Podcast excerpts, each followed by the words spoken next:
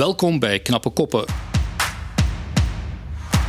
Een podcastreeks voor liefhebbers van rake analyses over actuele thema's en boeiende verhalen van gepassioneerde mensen. Vandaag zullen we het hebben over een belangrijk thema, een van levensbelang kan je gerust zeggen, namelijk leven met kanker. 1 op 3 mannen en 1 op 4 vrouwen in ons land krijgen deze diagnose voor hun 75ste verjaardag. Een belangrijk, maar vaak nog onderbelicht thema is het probleem van ondervoeding bij kankerpatiënten. Vandaag hebben we het genoegen om dit thema te mogen bespreken met een oncoloog en een oncodiëtiste. Welkom bij deze aflevering van Knappe Koppen. Uh, goedemiddag, ik ben Kessie, diëtiste en ik werk reeds vier jaar in het um, Vitas ziekenhuis. Um, ik werk op de afdeling oncologie. Um, ik vind het heel leuk om patiënten te kunnen begeleiden met individueel advies. Dus ik haal daar veel voldoening uit om samen met de mensen op zoek te gaan naar wat hen best kan helpen tijdens hun therapie. Ik ben Willem Liebaert. Ik ben oncoloog in Vitas en verbonden ook aan het Universitair Ziekenhuis in Antwerpen. Ik werk in een grote dienst, uh, de dienst Oncologie, Hematologie, Radiotherapie, palliatieve zorgen en ook oncologische revalidatie. Wij zien binnen onze dienst eigenlijk uh, alle soorten tumoren en ook in alle verschillende stadia. Dokter Liebaert, ik ga bij u beginnen. U bent oncoloog, zegt u. Is er bij u ooit een specifieke reden geweest waarom u die specialiteit um, opgezocht hebt? Zeer zeker. Ik ben eigenlijk in mijn jonge jaren begonnen aan een opleiding als cardioloog. Maar ik heb heel snel de beslissing genomen om naar oncologie over te schakelen, omdat ik cardiologie heel technisch vond. Terwijl oncologie op dat moment nog in zijn kinderschoenen stond en veel meer gepersonaliseerde geneeskunde was dan technische geneeskunde. En dat is ook de reden dat ik eigenlijk voor oncologie heb gekozen. Ook omdat we een heel breed gamma van tumortypes hebben en enorm veel behandelingen hebben en ook de prognose van kanker ook de laatste jaren echt enorm hebben zien evolueren eigenlijk. Ja, het is boven al die dingen ook een heel multidisciplinaire discipline, waar dat we eigenlijk zien dat we heel veel specialisten samen rond tafel moeten krijgen om eigenlijk tot een goed behandelingsplan te komen voor onze patiënten. Dus um, het is, een, is een, niet een, een lonely wolf um, discipline, maar effectief multidisciplinariteit ten top feitelijk. Hè. En verwacht ook een goed teamwerk. Zijn veel mensen betrokken. Je leert ook veel mensen kennen onderweg. En dat is zeker een meerwaarde eigenlijk. Oké, dankjewel. Uh, multidisciplinair. Uh, verschillende specialisten die samenwerken aan hetzelfde probleem, oncologie. Maar jij als diëtiste, hoe zie jij dat? Hoe ben jij terechtgekomen in, dat, in die sector van de oncologie? Hoe is je interesse daarvoor uh, gekomen? Ik heb sowieso interesse in voeding algemeen. En voeding is bij oncologie natuurlijk een belangrijk topic. Veel mensen um, krijgen te maken met smaakveranderingen, verminderde eetlust, ondervoeding. Um, en daar kunnen wij als diëtisten natuurlijk op gaan inspelen door uh, samen met de patiënt op zoek te gaan naar wat hen kan helpen. En daar haal ik zelf eigenlijk heel veel voldoening uit om mensen te kunnen helpen. Ja, je hebt uh, vier jaar ervaring. Uh, als er als diëtiste in het algemeen of als oncologie-diëtiste? Dat is als oncologie-diëtiste. Ja. En uh, heb je al dingen zien evolueren in die vier jaar? Oh, toch wel. Ik merk dat we meer ruimte krijgen um, om ons werk als diëtiste te gaan doen, eigenlijk. We hebben bijvoorbeeld in Bever het Oncologisch Dagziekenhuis dat er is bijgekomen, waar wij ook um, met meer mensen worden ingezet om de patiënten eigenlijk zo goed mogelijk te kunnen gaan helpen. Oké, okay, dankjewel. Voor we overgaan naar het specifieke thema van ondervoeding bij kankerpatiënten, haal ik er eerst nog een algemene statistiek bij, waarvan we misschien wel achterover vallen. En ik zeg het al tijdens de intro, 1 op 3 mannen en 1 op 4 vrouwen krijgt te maken met een kankerdiagnose voor hun 75ste. Ik vind dat behoorlijk hallucinante cijfers. Of uh, klopt dat niet wat ik zeg, hallucinant? Of, uh... Ik denk dat dat wel klopt. Hè. Ik denk ook, um, toen ik 16 jaar geleden begon, had ik toch het gevoel dat veel mensen nog in hun familie of kennissenkring niemand kende die kanker had. Hè. Af en toe hoorde je dat wel eens. Uh, de dag van vandaag hebben wij toch uh, het idee, en, en ik zelf ook, dat we rondom ons veel meer kankers zien. Niet alleen in de familie, maar ook in de vriendenkring. Het is ook zo dat inderdaad uh, we veel meer kankers ook wel gaan zien, ook zien, omdat onze bevolking natuurlijk ook ouder wordt. We leven ook allemaal langer. En we leven ook niet allemaal altijd veel gezonder. Hè. Er zijn toch een bepaald aantal factoren die zeer erg bijdragen tot kanker. Onder andere de overgewichtspandemie, die er toch ook wel is wereldwijd. Hè. Roken en alcohol kenden we al langer.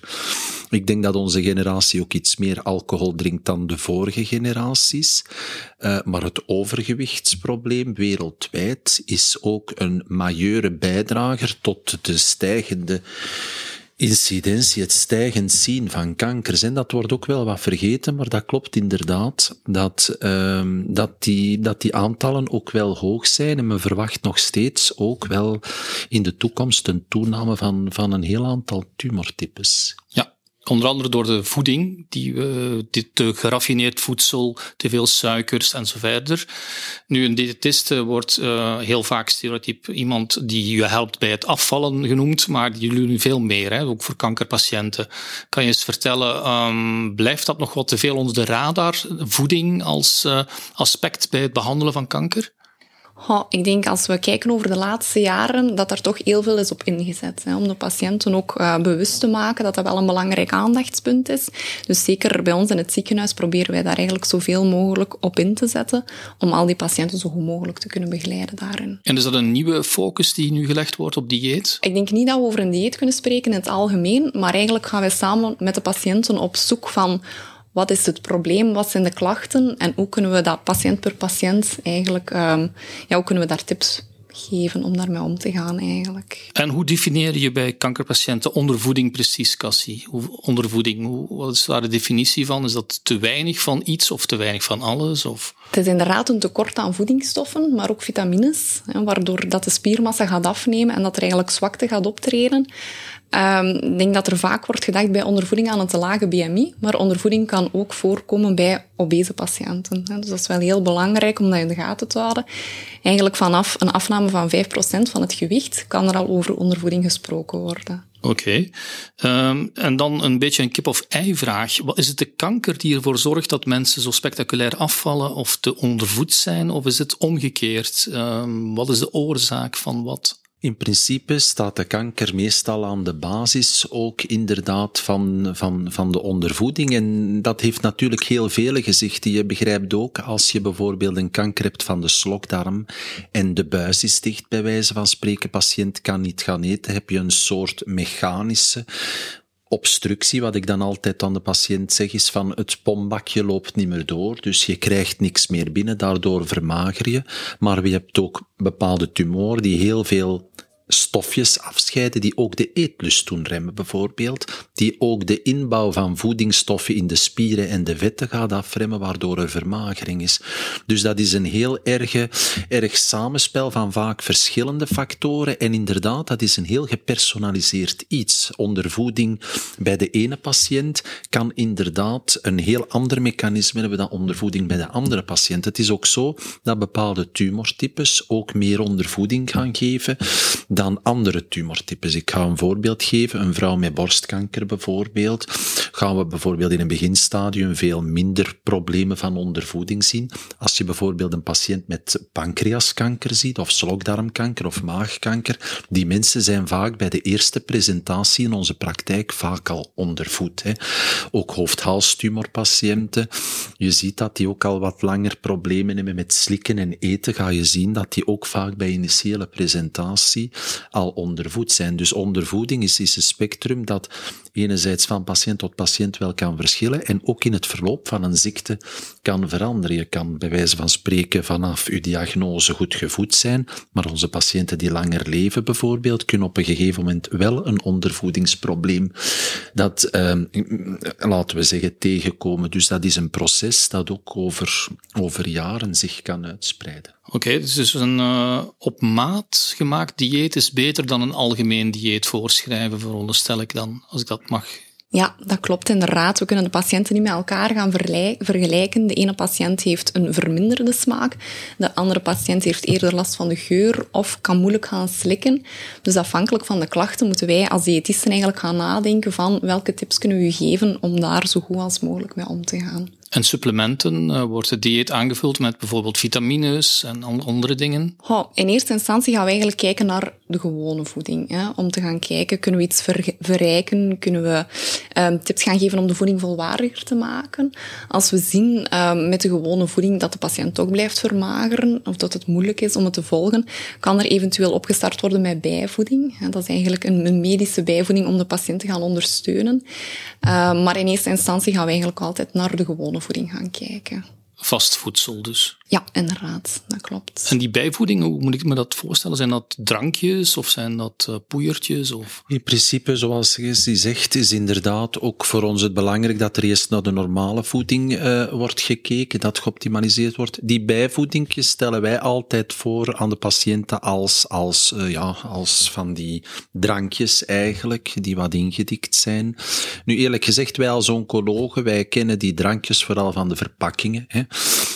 Uh, en wij verwijzen ook altijd heel collegiaal naar onze oncodiëtistes, die eigenlijk ook het detail van die voeding uitleggen. Ik denk als je de meeste oncologen zou interviewen over wat zit daar allemaal juist in en hoeveel calorieën, dat de meesten gaan moeten een naslagwerk openen. Terwijl onze oncodiëtisten zijn eigenlijk wandelende encyclopedies in de hoeveelheid dat patiënten mogen nemen, um, wat het oplevert aan, aan eiwitgehalten enzovoort. Meestal zeggen wij aan de patiënten, dat zijn zo van die kleine busjes die je twee tot drie keer per dag mag nemen. Als je het niet verdraagt, moet het een beetje spreiden in hoeveelheid. Maar tot daar de kennis van de gemiddelde oncoloog over de voedingen. Dat is ook de reden waarom onze oncodiëtisten een heel belangrijke rol eigenlijk op te nemen hebben. Want zij gaan eigenlijk in detail ook die zaken met de patiënt bespreken. Hè. U sprak daar straks, dokter Liebart, over uh, teamwork. Ja. U bent de eindverantwoordelijk bij een behandeling, veronderstel ik. En dan hebt u een aantal specialisten die u kan inschakelen voor deelaspecten. Ja. Uh, en daarbij hebben we dan de dieet-oncologen. Ja. Ja, en onze oncodiëtisten, want we spreken hier zeer sterk over voeding en ondervoeding en, en de voeding optimaliseren, bijvoedingjes nemen, maar waar gaat het eigenlijk over? Het feit dat wij patiënten zien met ondervoeding is een majeur probleem. Ten eerste, het uitzicht van de patiënt is al niet goed als een patiënt ondervoed is, maar dat is misschien nog het minst belangrijke. Het tweede is ook, een patiënt die goed gevoed is of goed gevoed wordt, gaat inderdaad ook vaak veel beter functioneren los, los van alles, beter functioneren. Ten tweede, de behandelingen worden ook vaak beter getolereerd bij een goed gevoede patiënt ten opzichte van een ondervoede patiënt. Die behandelingen gaan inderdaad ook beter in de patiënt geraken, patiënten die hun behandelingen ook beter kunnen krijgen, gaan uiteindelijk ook benefit hebben naar overleving toe, naar het uitdoen van hun behandeling.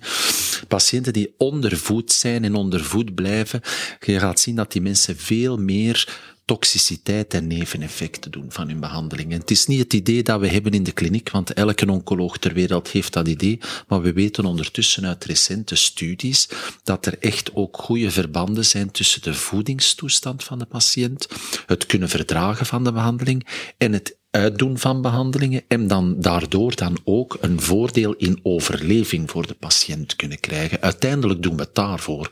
Niet gewoon om wat voeding te geven of wat bijvoeding te geven, maar het totaalplaatje is heel belangrijk en de oncodiëtistes hebben daarin ook een zeer belangrijke rol te spelen, ook samen met onze nutritioneel verpleegkundigen. Um, zij gaan meer ingeschakeld worden als we over, over agressievere vormen van voeding moeten spreken en dan hebben we bijvoorbeeld via kathetertjes of via, via neuszondes of via zogenaamde pechzondes waar een buisje in de maag wordt geplaatst, kunstmatiger voedingen.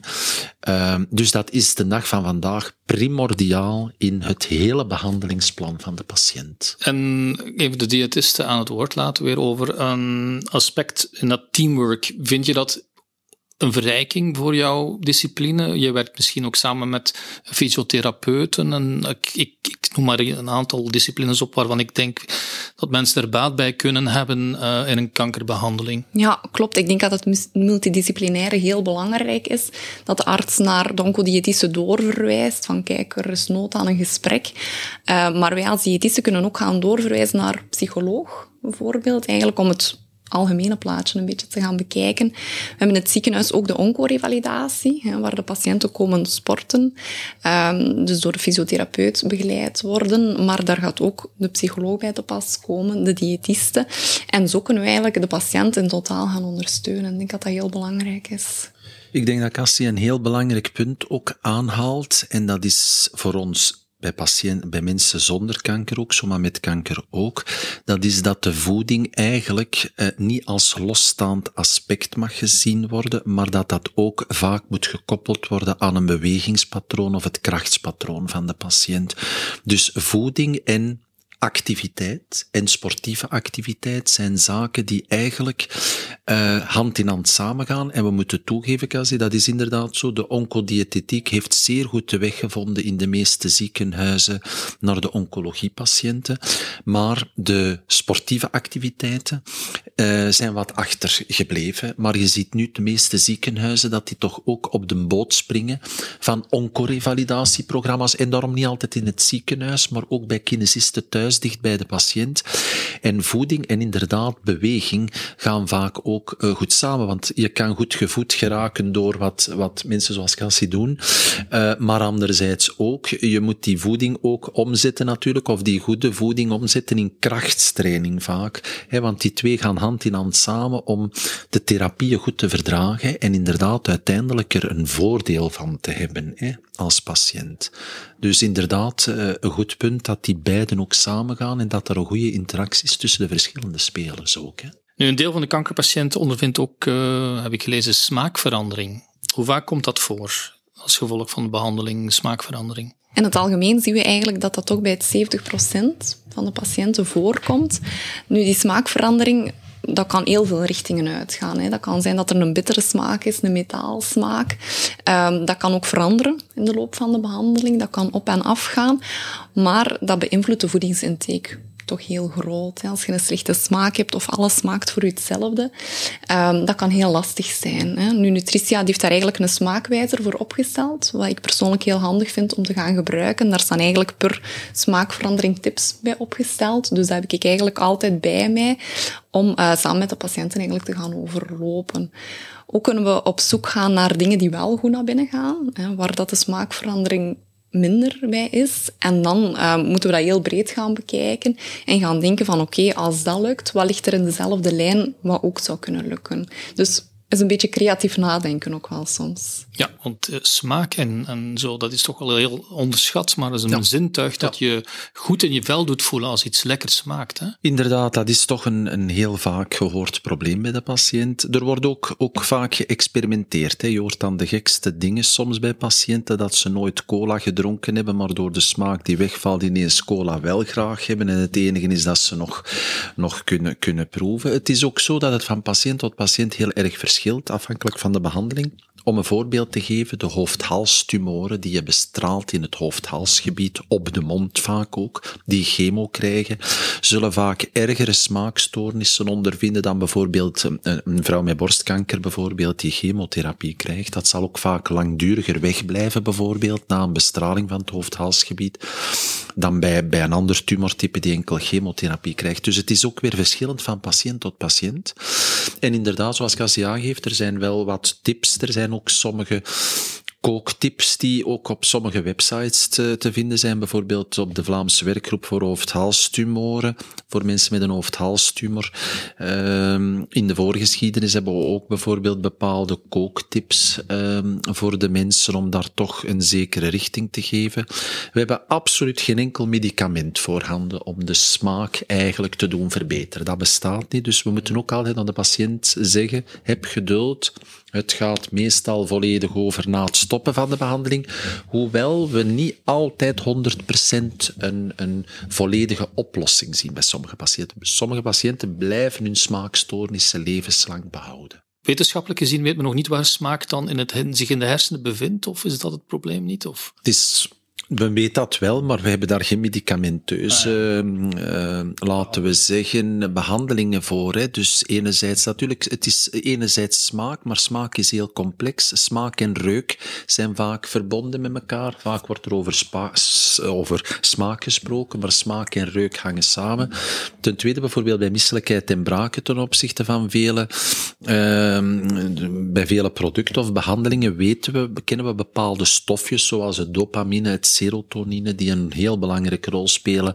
Dat zijn twee neurotransmitters, zoals we dat noemen, die inderdaad een belangrijke rol spelen. Die kunnen we blokkeren door heel wat medicatie, maar bij de smaakzin en de reukzin, ook het olfactorisch systeem, dus eh, de bezenuwing daarvan, kunnen we op dit moment niet stimuleren of, of, of, of, blokkeren of wat dan ook. Uh, daar hebben we niet de goede targets, doelwitten toe om dat te doen op dit moment. is veel minder gekend. Hoe kan je die mensen dan wel helpen als medicatie niet uh, altijd uh, voorhanden is? Ja, het is niet altijd even gemakkelijk om de mensen te helpen. Wij gaan wel heel veel voorstellen gaan doen van je kan dit of je kan dat proberen, maar het is ook altijd afwachten wat een invloed heeft. Hè. Als we merken dat de patiënt daardoor toch te weinig voedingsstoffen binnenkrijgt, dan kunnen we eerder de bijvoedingen gaan inschakelen. Nu, van Nutritia zijn er enkele bijvoedingen um, die een andere nasmaak hebben, bijvoorbeeld een mentholnasmaak. En dat zijn ook zaken die kunnen gaan helpen. Hè. Dat is dan via de bijvoeding een klein flesje waar veel energie in zit, waar ook eiwitten in zitten. En dat vloeibare is iets dat vaak wel gemakkelijk binnengaat. Dus het is eigenlijk echt zoeken um, naar een oplossing patiënt per patiënt. Oké, okay, dankjewel. Misschien dat we de aflevering kunnen afsluiten met een aantal tips of goede raad die jullie aan onze luisteraars kwijt willen. Ik alvast uh, onthoud dat ik meer moet gaan bewegen, maar er zijn alvast veel meer tips. Absoluut. Voor mij is het heel belangrijk als oncoloog dat er zowel door de patiënt als de familie, als ook het hele oncologisch team enorme aandacht uitgaat naar de voedingstoestand van de patiënt.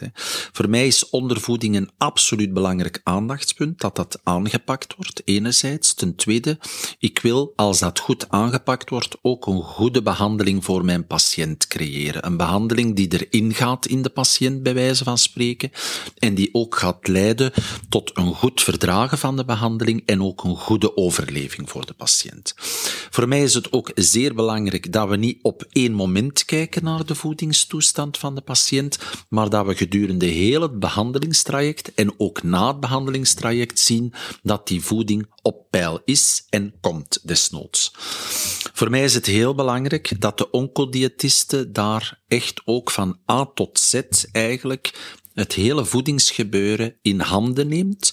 En wij vertrouwen dat ook um, heel graag aan haar toe. Wat geef jij als goede raad nog mee als oncodiëtiste, Cassie? Um, ik denk dat het belangrijk is voor zowel de patiënten als voor de familie om te weten dat ze eigenlijk altijd bij een oncodiëtiste terecht kunnen, zowel in het begin van het traject, maar ook doorheen het traject.